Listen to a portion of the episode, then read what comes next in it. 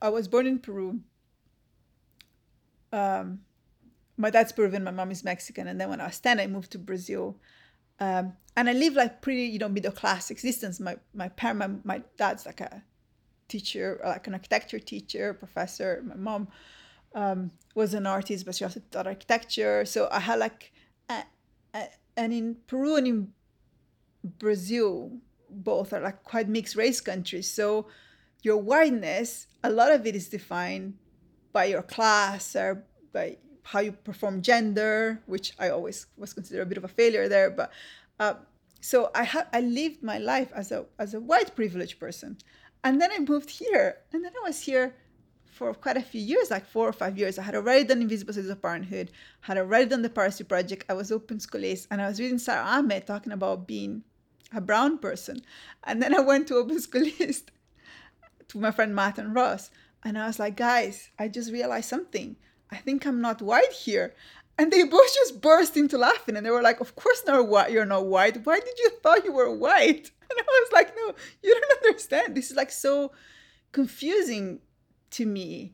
Um, because I had never thought about it. And I and I think it's super interesting and super problematic in other ways because I think sometimes um, I get it as an example of brownness in certain contexts where like, well, you know, but you're brown and you, you know, I'm quite happy to talk over a white guy or I'm quite happy to do lots of things. But it's because I haven't been, you know, I haven't been like educated. Like society didn't told me for like 30 years that I wasn't allowed to be like that in a sense. And it's like, it means I, I circulate in different spaces, but it was such a real shock to me. And and I have a friend who was doing um, some of some some stuff around the showroom at the time. Emily Pethick was there, so when I did Invisible Spaces of Parenthood, and we were talking later, and she was saying, "Oh yeah, like when you know when the showroom was talking about diversity, like you were one of their examples of diversity," and I was like, "But that was so in my head. I could." And that's something that I still find not not troubling, but I think it kind of informs a lot of my thinking on diversity and things like that. Um, and also makes me really aware that in a sense I have a ton of privilege in in a certain way, but also a lot of privilege in the way that I think about race and other things because I've been living here for 15 years. So I've been now used to being conceptualized in a certain way. Like I have a lot of experiences here.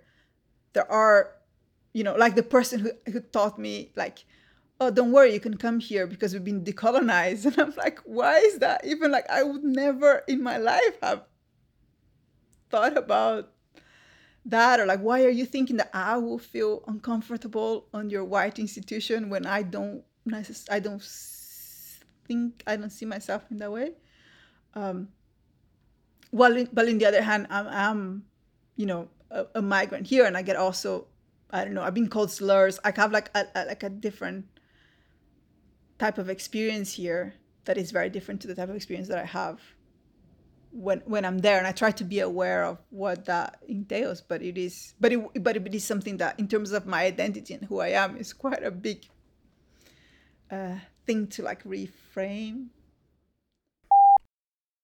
I think I, I don't think about those things instead of thinking about those things as strong theory and weak theory, I have become more and more interesting with the idea of um, any kind of attempt of universality or any like refuse of thinking through difference. Is just a very parochial universalizing theories are just usually very mediocre theories.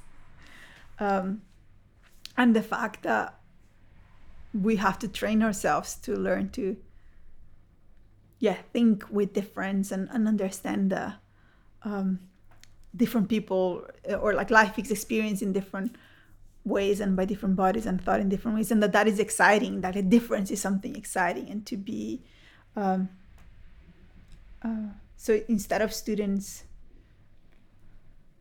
thinking that you know they have like they still have this kind of I'm to say men because they're mostly men, these big men of theory, so they have to read. Uh, and then oh, they have to read all some all these other people from the world, third world countries or women or queer or trans people because oh, the universe has decided is like um, to to start like really becoming aware of the flaws of this universalizing way of thinking and how it's actually um, and i'm not saying that we don't need to learn them. I just think that once you kind of learn to learn that theory as also part of the difference you know the i don't know like Adorno thinking about something is like these men thinking about something in a very specific moment in time that have a very different experience. And then if you're reading Cusicanqui, which is this amazing like Bolivian theorist, she's also thinking about the world from a very specific place and world experience. And that just makes it exciting because then you can combine these things and put them in conversation and be like, wow, uh, instead of, um, and I think the same way that then, you know, I think Adorno and I think about Cusicanqui, I also think about, um, you know, this amazing woman who works at the early years education center I work with called Kathy Palser, who um, used to teach philosophy at university, and then she decided to become an early years educator because she said that that's where radical pedagogy is, and her thinking about teaching is just incredible. And then, and so you kind of like you start being able to have those relationships with the people that have all these different knowledges around you too, um, instead of creating these hierarchies. Like the hierarchy doesn't make sense anymore because it becomes about what resonates with you and how you put different things in conversation and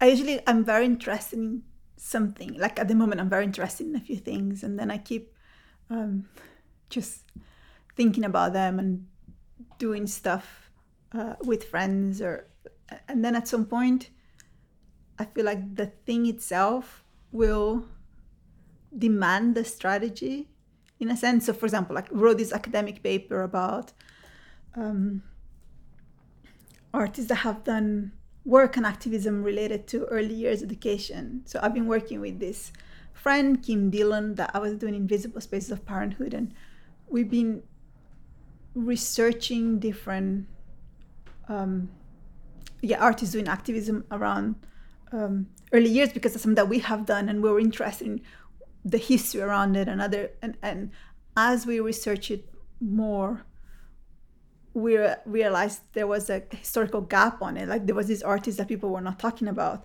And then we thought oh what should we do to to not have that gap anymore? And then we thought oh if we write an academic paper on it then that becomes historical that there's a there's it, it's a it's a, it's a strategy that creates a very specific type of um it, i think it's not change but it creates it does something an academic paper does something and i'm interested in that like the uh, exhibition in the gallery does something and it does something very specific and i uh i really dislike it's a personal thing but i really dislike the there's a thing that the art world does when it kind of pretends that it can do anything from the gallery. So instead of writing an academic paper, you write a thing that looks like an academic paper and then you put it in the walls of the gallery. Uh, but I think what that does is that's something that can only be done in the gallery, and that's fine. That's an interesting. I think galleries are interesting spaces and museums are interesting spaces, but there's something that the academic paper that is published as an academic paper and goes into uh, Google Scholar does that is very specific. And I think all the other things like be it like manuals or the newsletter or um, I think I've always been interested in um, the idea that it's like a, a, a insane amount of self confidence. The idea that I can do anything or I can bear with someone that can do whatever um, if there's a reason for it yeah, we've been talking before about like these different ways of creating um, spaces for this to to happen in the world with other people. So that um, I was talking about the evaluation uh, board at Gasworks, which is this group of former participants, and we meet once a month and former artists, and it's just like a a discussion of what's happening and everybody brings their experiences or what they've been reading and you talk talk about it and it's like a learning space and we're talking about your um, days working together at the radio and it's like i think it's the same thing it's like the world would be amazing if we all as humans had space in our lives to to do those sort of things and it's in it ends up being in the art world because i went to art school and that's the structure that i'm in but um and I think um, my mom used to be part of this art, like she wouldn't call it art, but uh, like a design space in in Peru, and I think she did something quite similar, and she was surrounded by people that did this. So this kind of like hippie commune place where people did those things, and um, I always looked at that and thought that's what being an adult should be like. it would be amazing to be an adult, and uh, and I think that sort of um, and and I guess the specificities of it they're just my personality. I read a lot of theory, but I don't read it um, for academic purposes. Or I just read it because it it feeds me. I have a I don't know something that I need to understand or something that is hurting me or like I'm in a puzzle that I don't know how to move forward, and I just theory just feeds me, and then I get super excited, and I'll, I'll read something like super nerdy, like a policy report, and then I'll send it to all my friends, and I'll be like, "Oh my god, look how this person solved this thing! This is amazing! I never thought about this like this."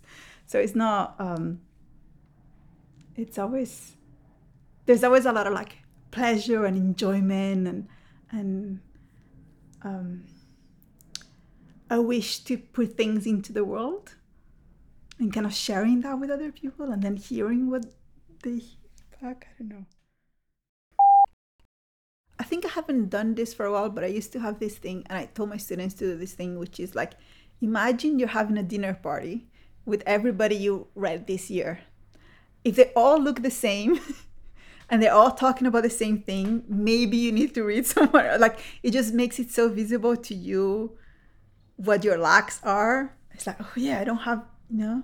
It's like why why and and i think i did have to uh, there was a point where I had to there was a lot of intention on it. So when we're doing the piracy project um, a lot of the stuff around copyright intellectual property that we were reading at the beginning were men and eva said oh we're going to do this event we want to make sure that half of the people we invite to talk or to speak are women. And it was a lot of work for us to find. And then at some point it just switched because we just like we, we started reading and then there were so many amazing women writing about this stuff that we didn't know about that it became the opposite. Like we didn't um, and then they start thinking like, oh, I'm only reading white people, or like, oh, I'm only reading European people, or so.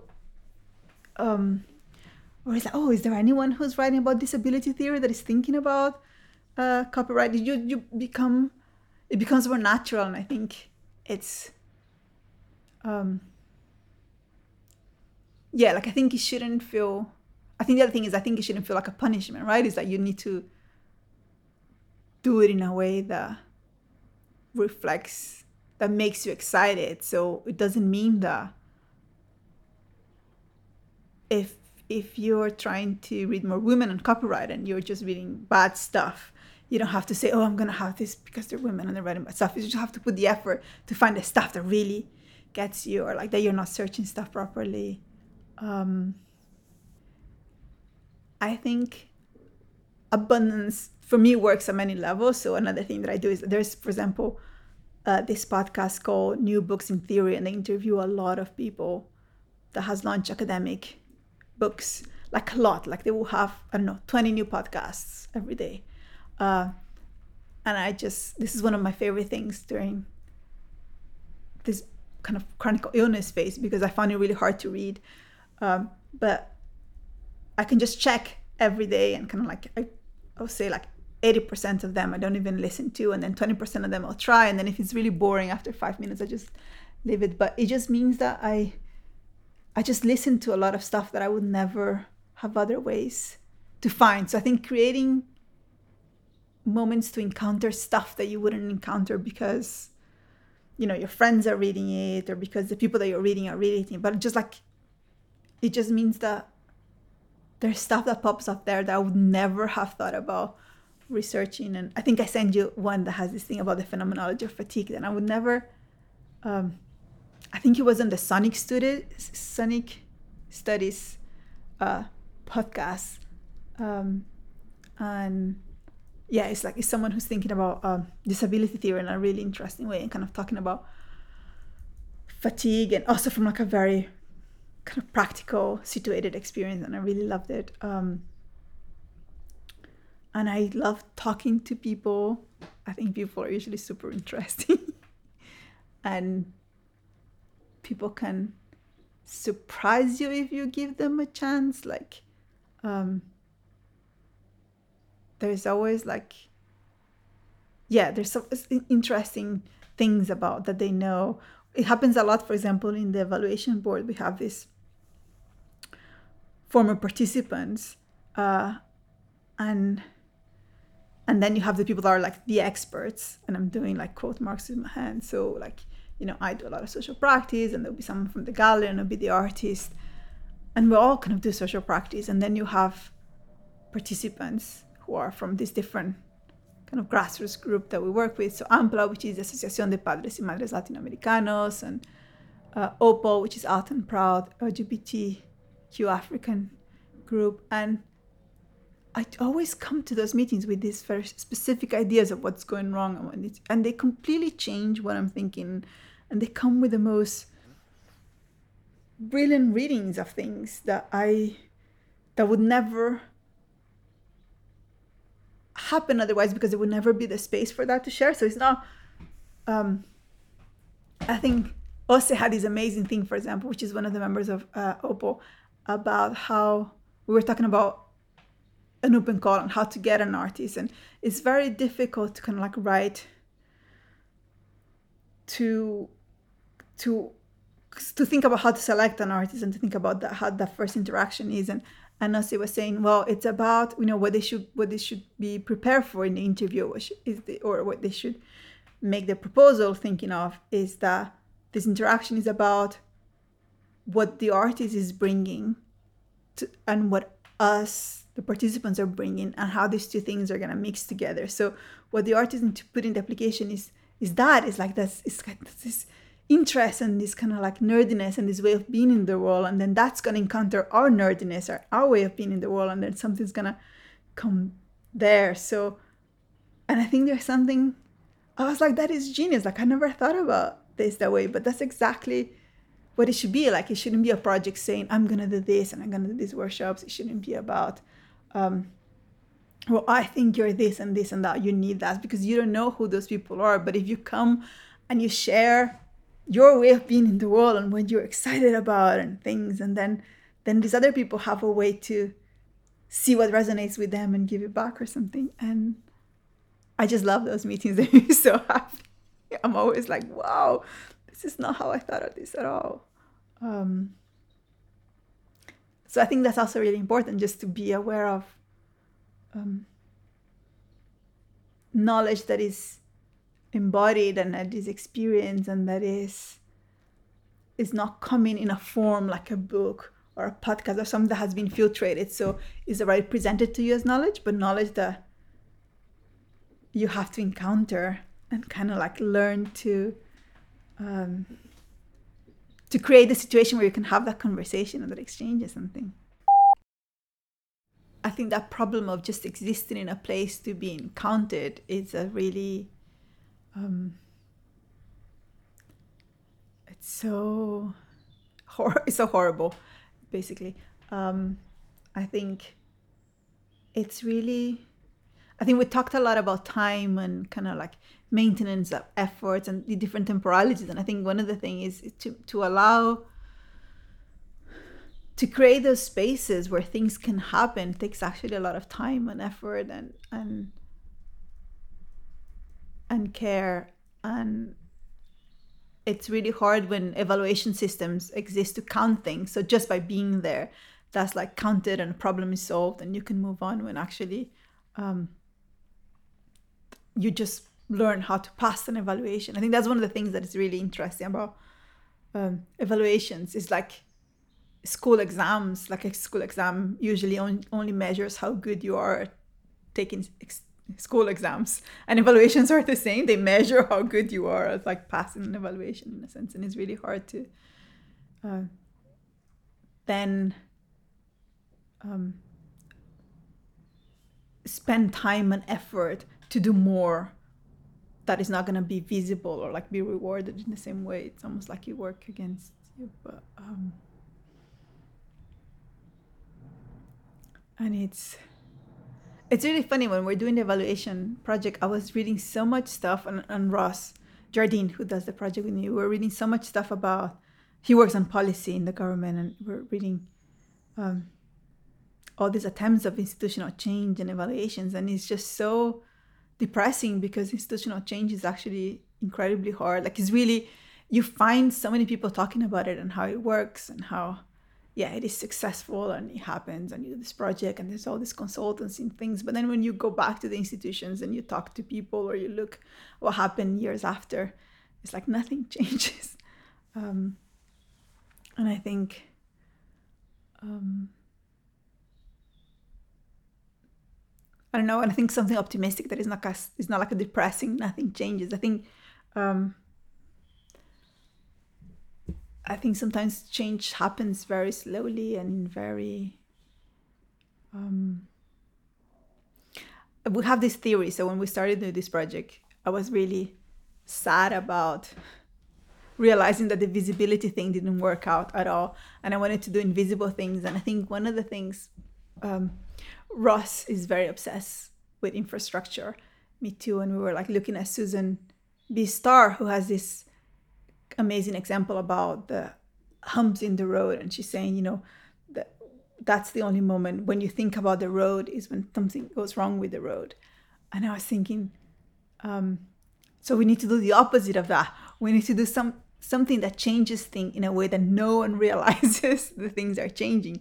And it just becomes better and natural and people don't feel like they're doing a sacrifice. They just feel like huh this is better than it was a year ago. I don't know why. Um, and i think in like in the kind of like small space of uh, gasworks participation project which is like a tiny tiny slice of a tiny tiny art world um, it did work in a sense I hope so.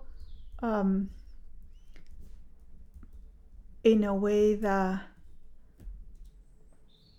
this has become the way things are done.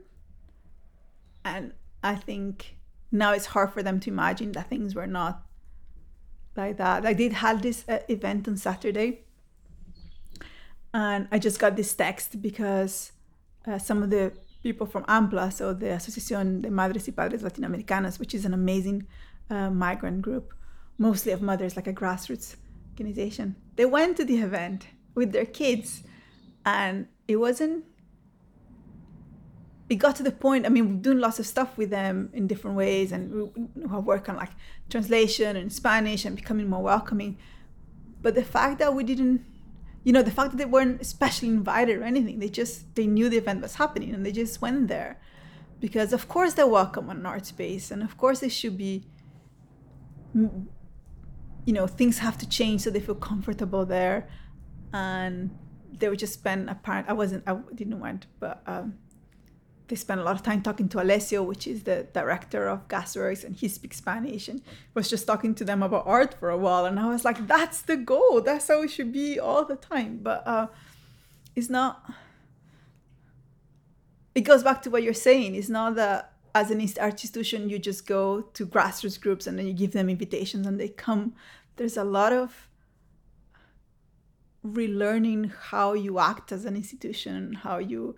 Um, I don't know, pay attention to things and organize things and and a lot of the time it's like the silliest things, like the the mother things. It's like, oh, we need to, you know, what are the days that they can come to the gallery? So we need to organize it on their time and how can we, you know, make this like one of the things that was really important to me last year while I was working there is how can we make this about the art? Like I don't want them to come to the gallery to do a worship that has nothing to do with the art and then leave and again just be bodies that count because then we count them for the arts council and it's that we increase our visitors in that population. I want them to have the tools just like I do with my students at uni, I just have them to have the tools to realize that they can have amazing conversations about art and and I want to be in these conversations with them because they're like super interesting women that come up with like really interesting readings of the art and just make them aware of that that they're not and and and slowly how to make that so it's visible to other people in the gallery that is exciting to hear what they say about art.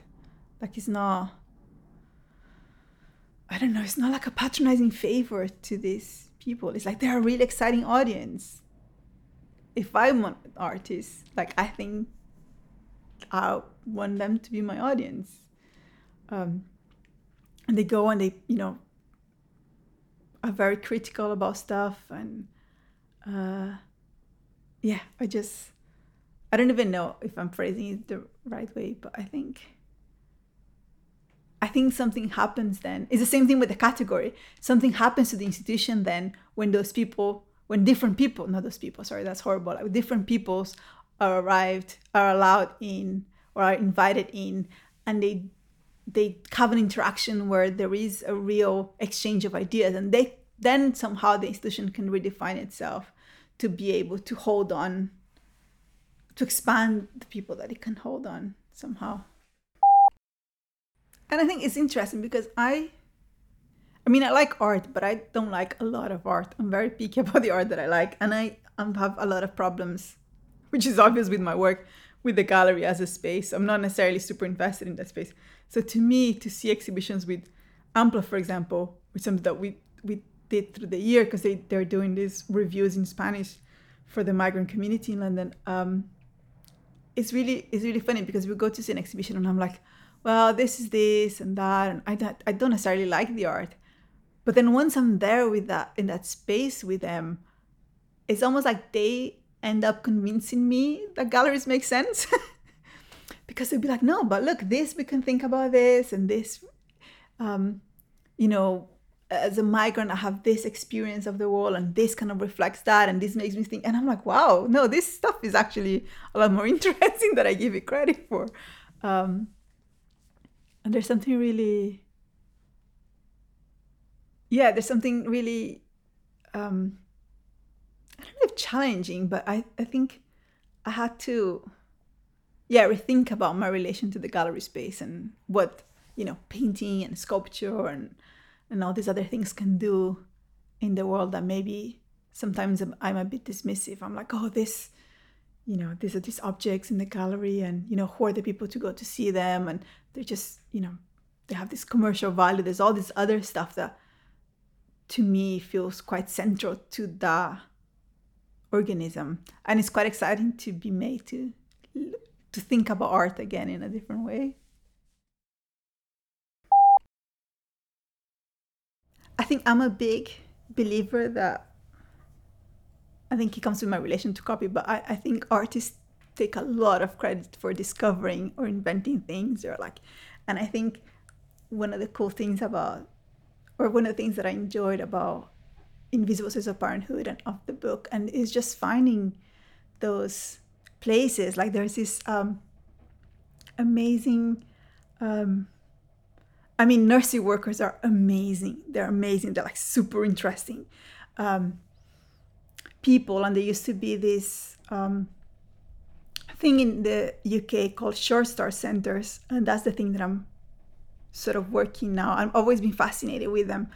Uh, but there were this experiment by Tony Blair of having this kind of buildings in, in where you could go with your kid but the idea is that they also had support to you as an adult and they have like ESOL classes and and they have all this really um, they had a lot of independence and autonomy. And the i'm going to say women because they were mainly women uh, that work as the Sure Start centers they got this amazing trainer and they're like they had these kind of radical political ideas and they would do lots of like really weird pedagogical experiments and and they would just be so brilliant. And that's one of the things that is in the book in a sense is like oh, they're, they're like that those spaces of like radic- radical thinking and radical practices and caring spaces they already exist all around us. And it's almost like we don't see them. And if we don't see them then they die. Like the Sure Start centers are all closing um, because what they do can be seen through like you know specific types of um, evaluations and things like that. So um, and i think so i think a lot of the a lot of the things in in that book were things like that as well. It's like these worlds already all around us. And and again like maybe i don't know sometimes i think about these sort of spaces or i think there's something about the woodcraft folk and i'm like what those what is the difference between what those people do and what i do and i think i mean i think they do it better so those places exist for longer and it's sustained but that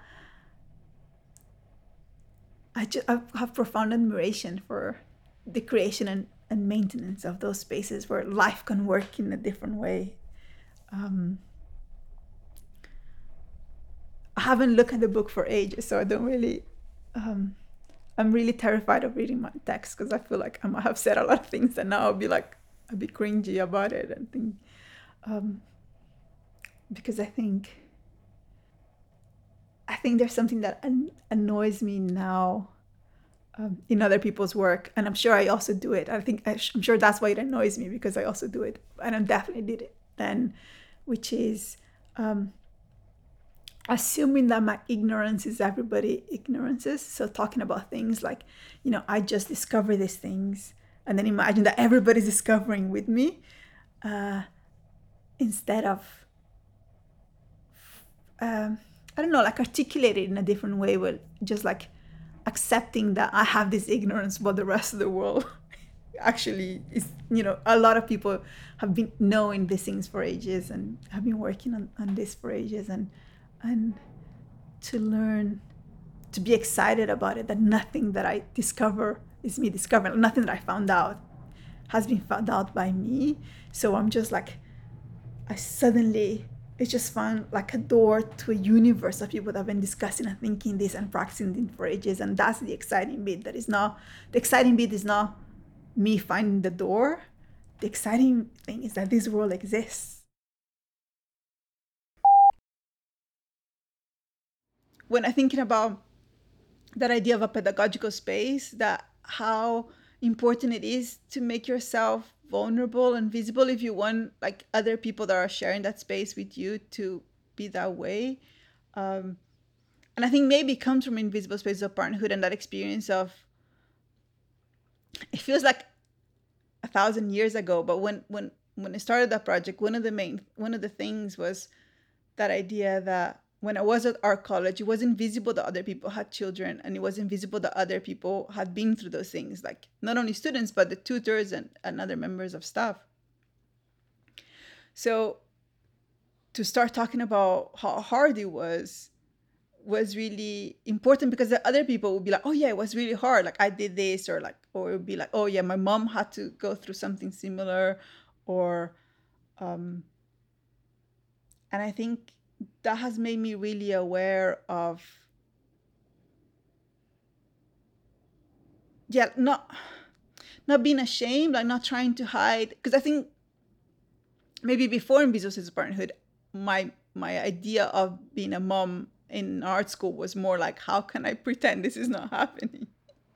And be you know make that as invisible as possible so i can be an artist because mothers are not artists. And that's what i was getting from that um, environment. And then uh, after that, there was something really powerful about the solidarity that you get when you allow yourself to just, yeah, make those things visible. It also means really you also get to hear lots of really horrible things from horrible people but in a, in a, in another way like those things just come in the open and then you can know where people stand um in those positions and and I still find it hard I, I have post-viral syndrome now and i'm quite ill and i've been quite ill for three years and i did um, it has taken me a long time to own it and to be like yes i am ill and there are things i can't do and I hate like I hate canceling stuff. I, there's all these things that are really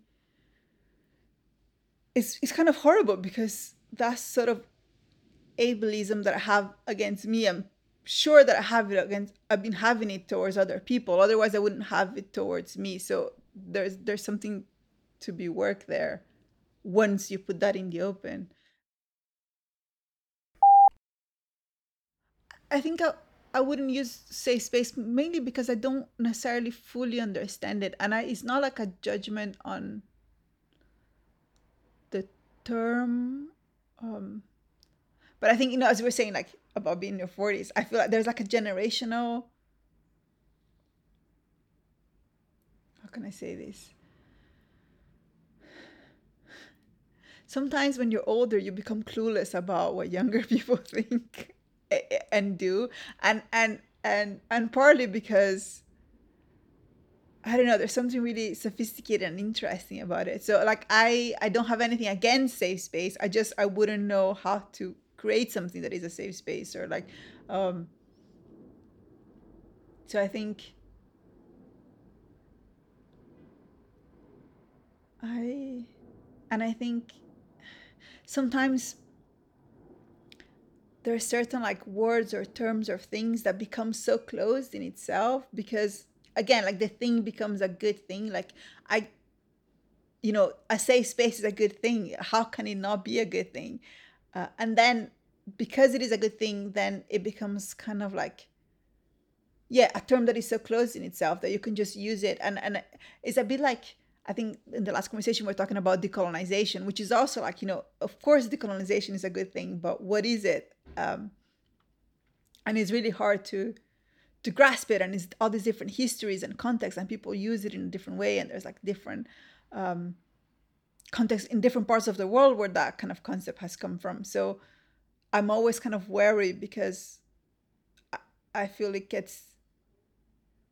I can't. I can't understand if I'm using in the same way that other people are using. Like I kind of I got I get lost into it. I had this I, I was thinking about this thing about decolonization this morning. I don't know why, but it's like um I had this like my I had a lot of funny stories about the word decolonization, but one of them was I was invited to do something at this gallery in uh, in Germany, and, and the curator was talking to me, and then she said something like, "Oh, but do, and don't you don't have to worry because you know, we had a workshop and we have all been decolonized now. And I was just like, I don't, what? Uh, and it's just like these puzzling things of like, what does this word mean? Like, what are you trying to say? Also, why should I be worried? Should I be worried now every time I go to an institution? Like, uh, I like what what were you doing before to people that now I need to like uh, there's so so I, I guess my relation with safe space is in that in that sense like i don't yeah it's not like i think it's a bad thing or anything i just don't and i hope that when i am in sort of in charge of a space or hosting something that i am create an environment where people feel safe um, and comfortable and you know that i'm not hurt i think like basic practicing should be like my work should not be hurting people and making things worse. I think like that should be like the baseline. Um, but it just I, I'm not I'm not hundred percent that's what it it means or that's what you use or like sometimes you know I will read something and someone will be like very specific about how they construct that space and how they create that space and this idea that you can and I I find that puzzling because I feel like well it's different people and different contexts and things and it's all kind of like negotiation but uh, but again that's absolutely not taking responsibility for like taking care of the people that that you're hosting. Um, at all sorry I feel like that didn't clear anything there's this amazing um, philosopher called C.T. Nguyen, and he has this. Um, I mean, he's incredible in, in many things, but um, he has his writings about clarity, and he said that you know that that's the thing that people are obsessed at the moment. They want clarity, and and and but because uncertainty is so hard to hold on to and like what these terms do is they give this illusion of clarity. So you say well we're going to have this event and this is going to be a safe space. And there's a clarity there because it is a safe space but there's actually not. Like it, it actually because the practice is so far like the way that it's practiced like there's so many different ways that you don't really know what's happening. And i think you know decolonization is the same thing. It's there's a sense of clarity there. Decolonization is a good thing. So we're decolonizing the museum so that's a good thing. But what does that mean? It doesn't matter because that word gives you that clarity. And i think um, it goes back to yeah this idea of being comfort, comfortable with failure and with not knowing and with like you know understanding that yeah there's tons of different ways to practice that and that that have a lot of different meanings and it has a you know a history concepts have a history and that's also always super interesting and then they get like used by different people and redefined and this is the nerdy in me. I think like when you when you get to understand that from these things then it gets a lot so much more interesting um than just like yeah stopping at the clarity of oh this is this is it and then that is solved and then reality is just gonna conform to that thing because reality doesn't conform to anything it's just chaos.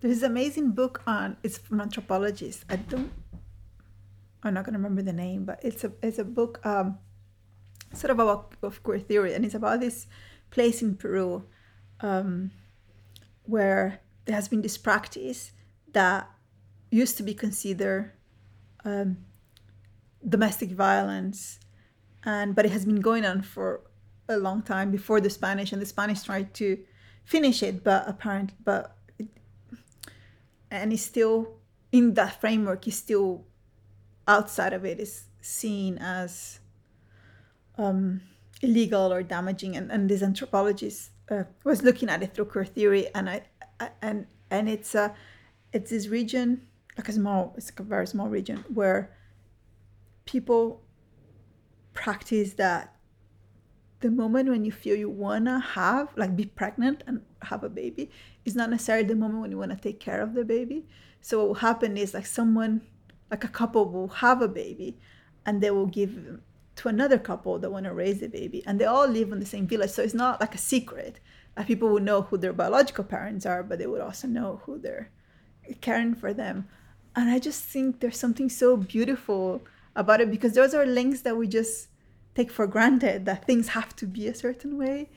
And and yeah, and her whole work is actually, you know, from the outside is seen as a violence because it violates certain ideas about the family. But actually for the people that grow there, it's kind of amazing and they have this very different relationships because they kind of ended up being connected to all these different people in these villages and um, I just I remember I read that and I was I was super um, yeah exciting about those different um, I say that but then also I, I do have a proper desire for my son but I feel like no I want it, I want him close to me. Uh, but um, it's I feel like there's so many things that we just take for granted as being natural or common sense, and we don't necessarily have to. Kim Kim Dhillon, who I do ISP with, she found this amazing video from the Royal College of Arts because they used to have a nursery. She studied there, uh, and it closed, I think, in the late 80s when they kind of decided to change the profile of the students but there's this video before that uh, and there's this amazing student and he's saying well what i like the best about the royal college is that you know have lunch and then there's these kids because you know the kids from the nursery come and have lunch when the students are here. And you know and you're like there thinking you're like this super radical artist and you do things and, and then these kids come and they're like oh no they're the radical thinkers. We're not. And there's something about that um,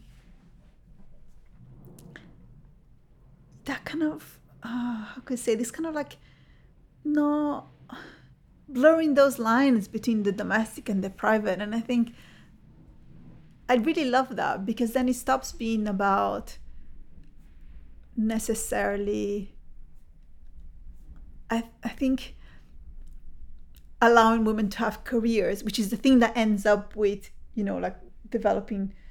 I mean, I'm not saying that I'd, I'd love I love nurseries, and I think I mean I was so happy when my son could go to a nursery, but um, but part of it is because it was so hard to have him outside of uh, it's just like I couldn't I didn't feel like I could have a full life with him with me all the time in a sense that the idea that yeah that they could be present that we didn't wouldn't have to be so afraid of have of children around in public spaces or in shared spaces or um, that there's something excited about like at the moment it feels like they usually like like you were saying they're like a bother right? They're there and you're like oh my god they're bothering other people. Other people are not.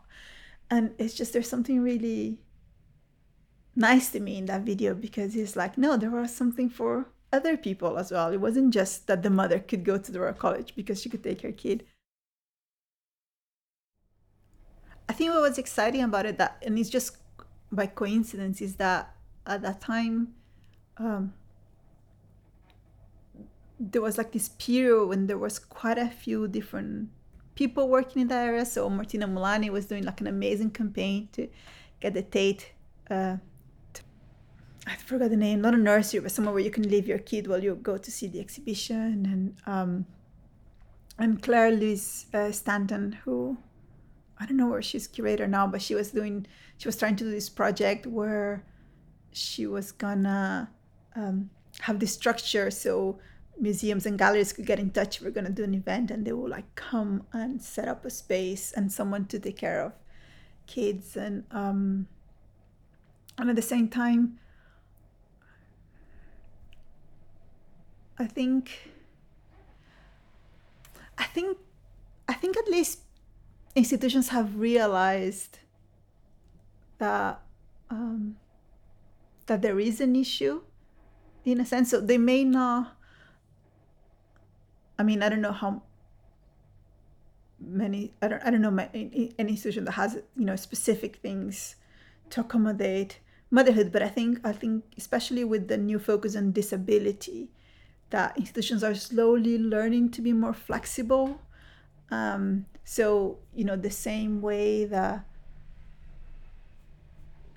you would think about you know that you need to have accommodations for an artist that has fatigue, for example, like me, or you have accommodations for an artist that um, needs someone who does sign language, then you also need accommodation for someone who has a who has a kid, or you know, if you have a space um, and you're once a month do a special session for um, visitors w- uh, with autism that might have like different types of sensibilities for sound and things that you can also you know that in a sense but maybe this is very optimistic and it's for my tiny, tiny, small world. But I think there's there's a accepting is a horrible world, but so maybe not accepting, but it's a recognition that we're all different and then people come with different needs and slowly you know trying to be and sometimes it's just you know it's like a it's like silly things it's like you know if there's a place where you can change your baby then you automatically feel less awkward when you go with a baby to the gallery to, to see the film because you already there has been this scene that has been signaled to you that yes we know people that have babies come to the gallery and that's fine and babies sometimes cry or that's just um, so i would like but i don't think that was invisible. You know i mean i think that was like part of this yeah larger moment of like feminist art and kind of people that were concerned with like yeah feminist artists and people that were concerned with precarity and things that were happening then. And then all the artists that are doing work with disabilities now. So like that slowly um, moving things. There was this amazing exhibition called the century of the child at moma um, and it has like all these different kind of moments of intersection between uh, children and, and the arts. It's like a really great exhibition and a great catalog. But on the on the museum, they had this amazing, have all these rooms. It was a huge exhibition, and it was about uh, the Bauhaus, and it has all these photos of the Bauhaus that I'd never seen before with children on it. So it would be like, no, people will be doing something, and there would be like a kid under a table, And I was like, wow. And it's like suddenly realizing that that space was full of kids because all the teachers had kids, some of the students have kids, and and they were like part of that environment. And then I have the catalog, and then you look at the catalog and you have the text about the children in the Bauhaus. And the photos in the catalog are all photos without children because that's how we're used to see the Bauhaus. We're used to see it without children because seeing children there would kind of like devalue that space somehow. And I think I'm fascinated about it. Like why why can't we imagine that this amazing intellectual artistic space you know people were teaching and they have like their kid under the table reading a book while they were teaching. I think that's kind of amazing. I don't know where i'm going with this. I just think it's an amazing other way of thinking about things. Mm-hmm. And some children are difficult and some adults are difficult. I also think like children as i think mothers are just people children are also just people the first project starts like this amazing fable, which um, it was I was reading an essay from Daniel Alarcón, which is a Peruvian writer, and it was on Granta. And I'm sure if you Google Daniel Alarcón, and uh, I think it's called Pirates in Peru or something like that, and uh, he he like I grew up so I grew up in Peru until I was ten, and then I moved to Brazil. But I was still I was still come every summer, and in Peru uh, at that time or Lima, you don't you don't see that much. I think, um, but used to be like there used to be pirated books everywhere. Every traffic light, there'd be like people coming and selling um, books. So I grew up with lots of pirated books, um, and and this text by Delena Alarcón uh, was was kind of looking at that and the history, and it's kind of complicated because there's a, there's a side of it that is kind of exciting, and you get all these books, and they're cheap, and Peru didn't have many, um, or Lima didn't have any books. Have lots of bookshelves, but they were quite expensive, and there were not as many as you have like in London, for example. So books were not quite accessible, but at the same time, there was this excitement. They have this society that wants to read, so you have this market of like pirated books, and then there's this other like darker side. Um, which is the presses where those books were printed. So it's, it's like it's a, it's an amazing essay. But then in the middle of the essay, he had like these two sentences that were like, oh, and I've heard or like there's some rumors that some of these books have been modified. And I was like, how could he just put one sentence and not expand on that? That is the most amazing thing I've ever heard. Um, so I went to Peru. Um, so I met um, Eva Weinmayr, who was organizing like a, also an activism related to the same university, UAL, uh, but in a different campus, so in uh, Byam and they were closing the library. It's kind of part of the same moment of closing things and student protest. And they have taken over the library, and she was looking for artists to do residencies there. Um, and I met her. I was doing an interview for my MA because she has a really interesting practice doing publishing and lots of other stuff. Uh, and I said, I just read this about Peru. And she was like, this sounds amazing. I was like, I'm going to go to Peru um, for the summer. So she was like, well, if you, if you find something, come and maybe you can do residency with us. So I went to Peru, uh, to Lima. And I went to all these booksellers uh, in the markets. And I started uh, by being like very foreign. My cousins in Peru always make fun of me, like just being such a foreigner. Asking, Do you have any modified books? And the pirate sellers would be like, Of course not. How can you say that? All our books are 100% uh, the copies of the originals. They were like very offended. And it was almost like I was like, there was like a taboo about it. Like I was saying something just by saying it, I was kind of like, you know, saying what should not be said. Um, so I went and I saw the books that my um, uncle had in, in his house, like kind of popular books, as I thought those were the most pirated. And then I bought lots of copies of those books uh, to compare to the books he had. So I had read, for example, I couldn't find it, but I heard like there were like quite a few different translations of Harry Potter that were like really interesting and this and that. And then I bought this one book and kind of comparing like page by page.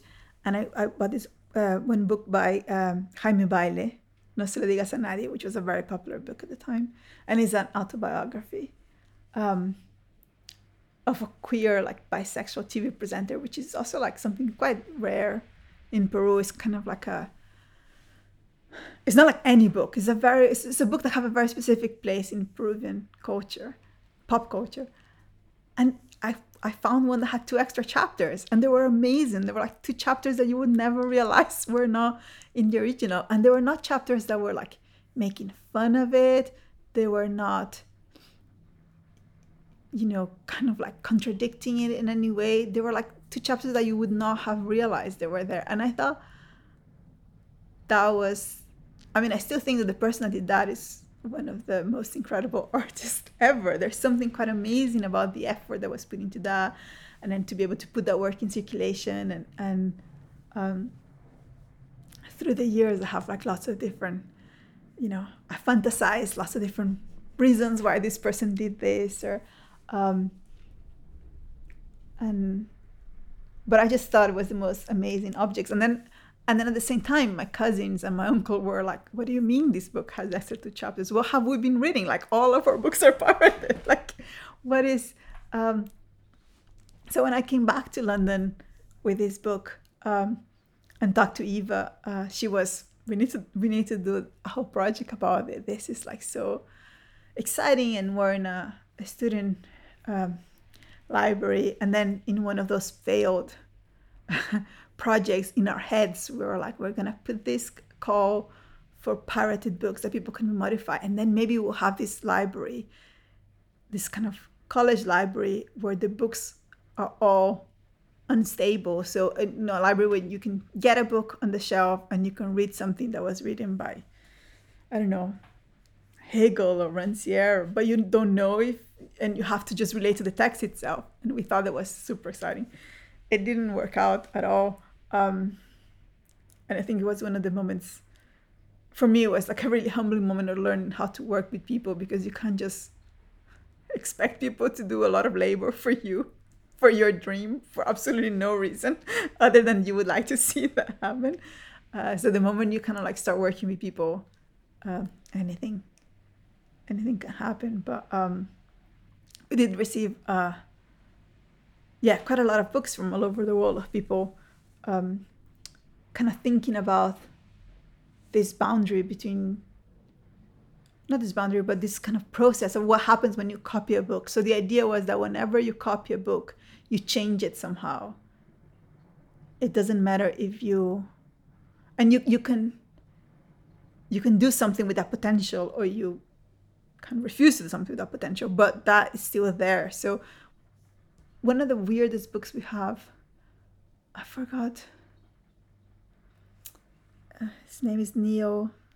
I'm not gonna remember his surname, but um, he copied this book by Deleuze, pretty sure, and he copied on an inkjet, and it's amazing because his copy is actually a perfect copy, but the fact that it's in an inkjet just makes you so unsure whenever you're holding that book.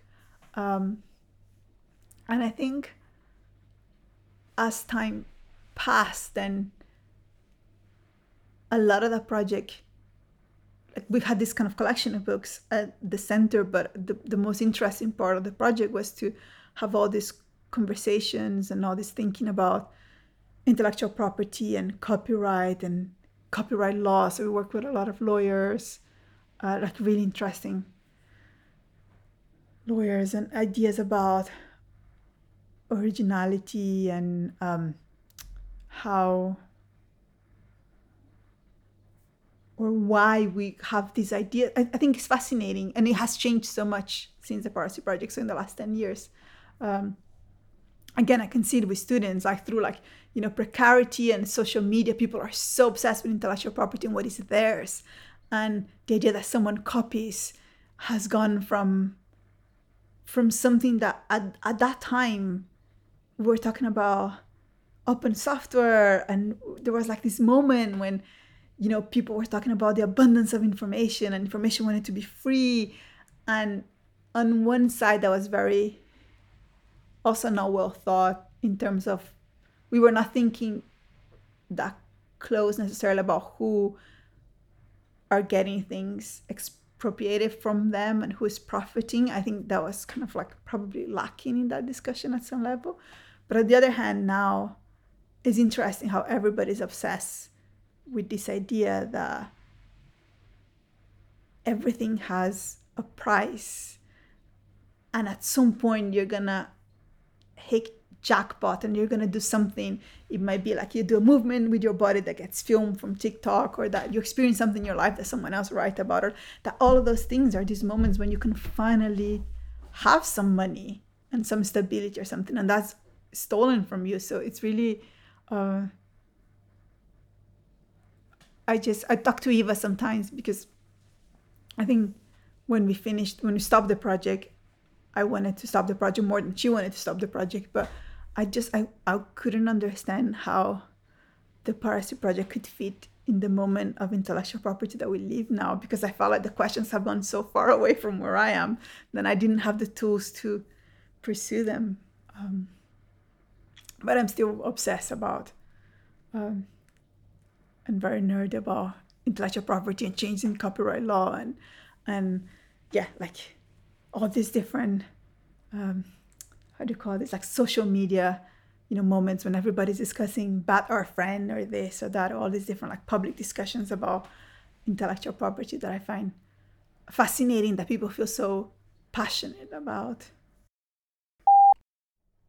So maybe it's on the book shanghai i don't remember but there's this thing about how for example if you think about chinese painting like the most something is copied like the most it um, acquires value. And i love um, i mean i love copies.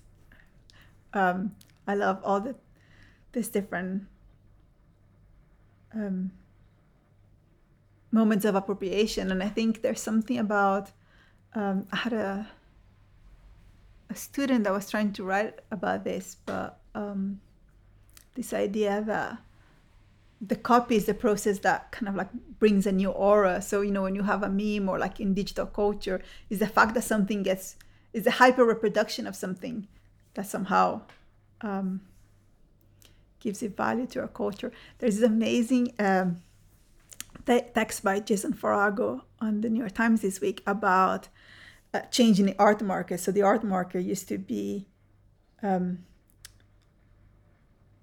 say like ruled or like defined by critics and museums and art institutions so you have like you know all these people making art and then you have like this very kind of conservative and elite process of acquiring value and saying like these are the things that are you know worth more money because they're really important and he was saying how in the last few years that has changed to a lot of things. Uh, th- those um, prices and value being starting to set up by auction houses. And the way that seems to be happening is through image reproduction. So it'll be like uh, certain painters for example whose paintings are used in advertising which before used to be something that you see as distasteful maybe. Now those paintings go to auction and they're auctioned for millions of dollars because uh, that painting was used for this perfume uh, campaign and that has been everywhere. And then the person who collects wants that painting. They want the painting that has been seen everywhere not necessarily uh, obscure painting by and i thought um, i mean i don't know necessarily much about it and i don't even know if that thesis is real but i, I think i can totally believe that it's real basically that there's something about um, the way our systems of value uh, our own copy and ideas of intellectual property at the moment are, are, are completely redefining itself and we don't really and they have large echoes in other systems of thinking. Tintin was very popular in china um, in like what's funny about pirated books in that kind of like industrial scale is that the pirates become like editors or like they kind of define what's get popular or not. So this I don't know what this are mark, but so they kind of like change format. So they kind of like get the Tintin books and they transform it into t- each book into two smaller ones, and they're they're kind of like I think the one that was the most interesting one uh, is in the Piracy collection. Um, but there'll be things like centering figures, for example. So sometimes a figure is cut like you would cut people on a photograph and the person that was copying the drawings really liked figures at the center of the square so they will like put it there I mean, I personally don't like Tintin very much. This one is a bit like a, a kind of racist in terms of like through like uh, Chinese culture. And I was doing this show with this friend who uh, is from Hong Kong, so he can read the. Uh, and he was just like marking the ones that are, are like the story is changed, the translation is changed, so they kind of like taking sort of the racist stuff out. Um, so I think these are, and, and, and he was saying like on the back, I cannot read this, but on the back they say who was published and who has doing who has done the redrawing because they have to be they're redrawn by hand. They're um, full color, and these ones are just like line drawings in black and white. Um, and then you can find online there's like these different regions of China will have like different um, kind of like publishing houses copying Tintins. So you have like different pirated Tintin copies, and they all are a bit different because they have to be redrawn by hand. Because I bought them all in one place, so they're all from the same publishing house. But he was saying it would be amazing to compare different publishing houses and different people that do the different drawings to see what what changes. But so Eva comes from a background of like art, artist publishing. Um, artists publish books and uh, so she's she, i think she was more interested in the kind of like artist contributions but i think i'm more interested in these sort of things and how they circulate and, and kind of the moral readings of that should it be legal i feel like i have a third world country spirit so i'm like of course it should be legal like of course there's like a way in which um like i feel no guilt of you know appropriating things like that i think. Um there's a sense that culture has been imposing us for so long that why wouldn't we just take it? And um, so i think profound solidarity with those